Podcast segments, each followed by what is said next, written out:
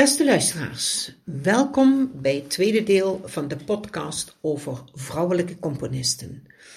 Allereerst wil ik even een kleine correctie aan u laten weten. In mijn eerste deel is op het einde sprake van Benedictus XV, maar dat moet Benedictus XVI zijn. Mijn eerste componiste van vandaag is Clara Schumann. Op haar tiende schreef Clara Schumann, toen nog week, haar eerste polonaises voor de piano. En vier jaar later volgde er zelfs een pianoconcert. Zestien jaar oud speelde ze daar de première van, met het beroemde Gewandhausorchester Leipzig met Felix Mendelssohn als dirigent. Tegen de wil van haar vader trouwde ze op haar twintigste met de componist Robert Schumann. Het stel moest zelfs naar rechtbanken om hun verbintenis mogelijk te maken.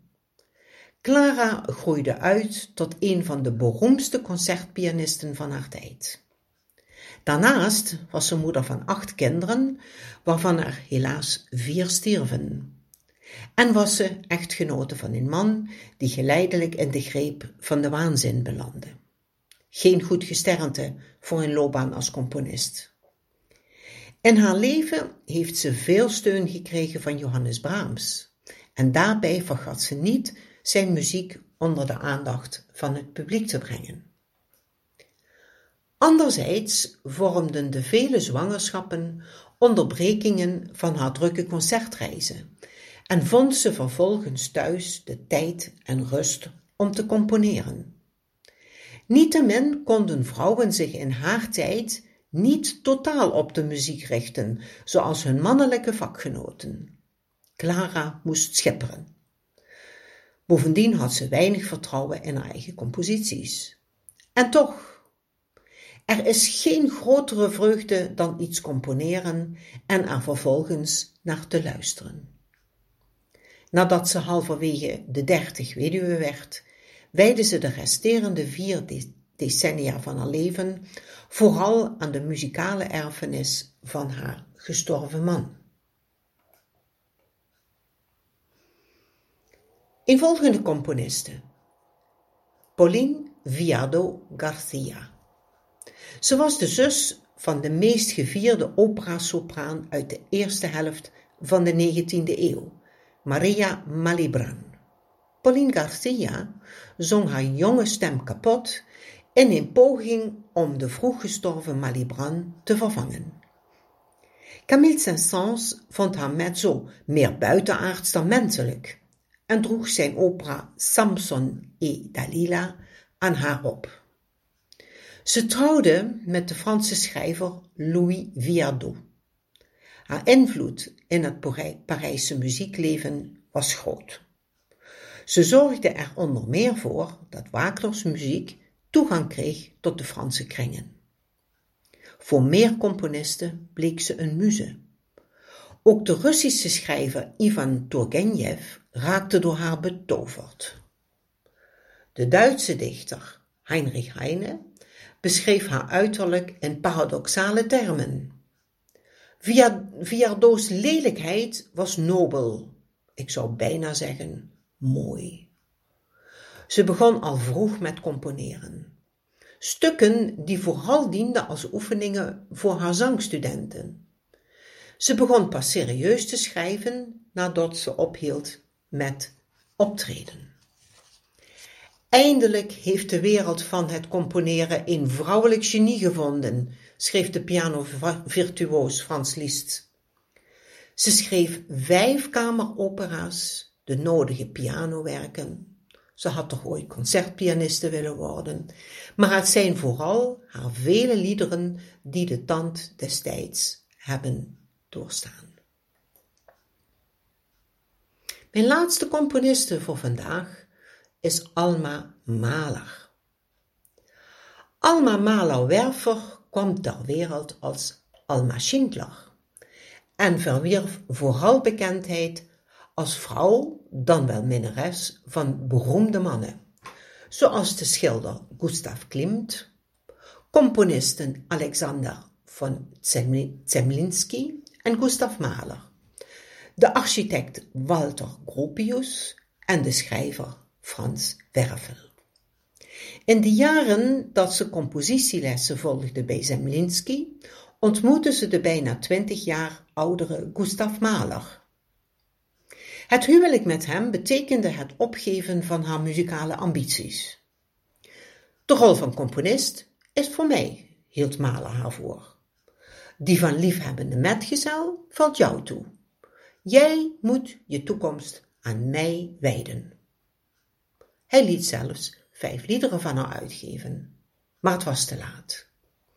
Er zijn tien jaar weggegooid, in periode waarin ik me had kunnen ontwikkelen.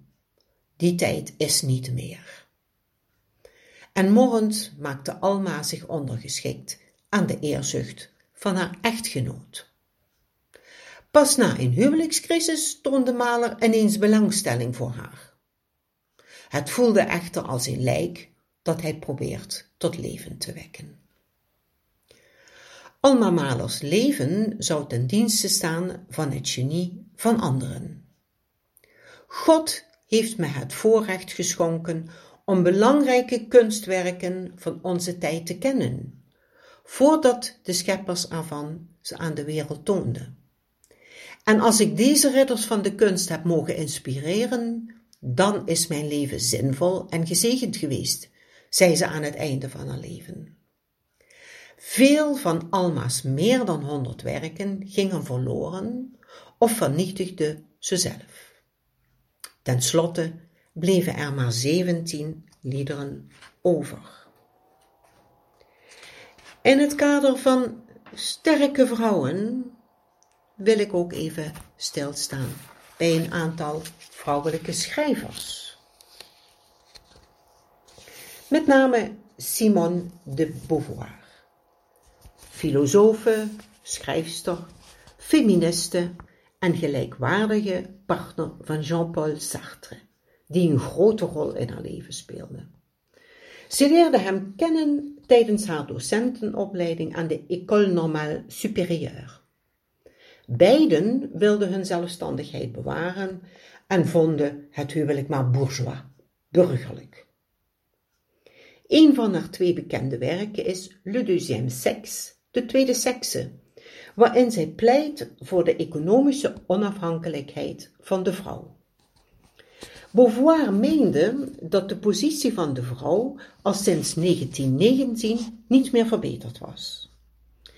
De gehuwde vrouw was volledig afhankelijk van de man en leefde volledig in een morele en psychische afhankelijkheid van de man en dat was onacceptabel. Haar meest bekende uitspraak die in dit boek te lezen valt, luidt als volgt. On ne n'est pas femme, on le devient. Je bent niet als vrouw geboren, je wordt vrouw gemaakt. Juist vanwege dit boek is Simone de Beauvoir de inspirator van het nieuwe feminisme.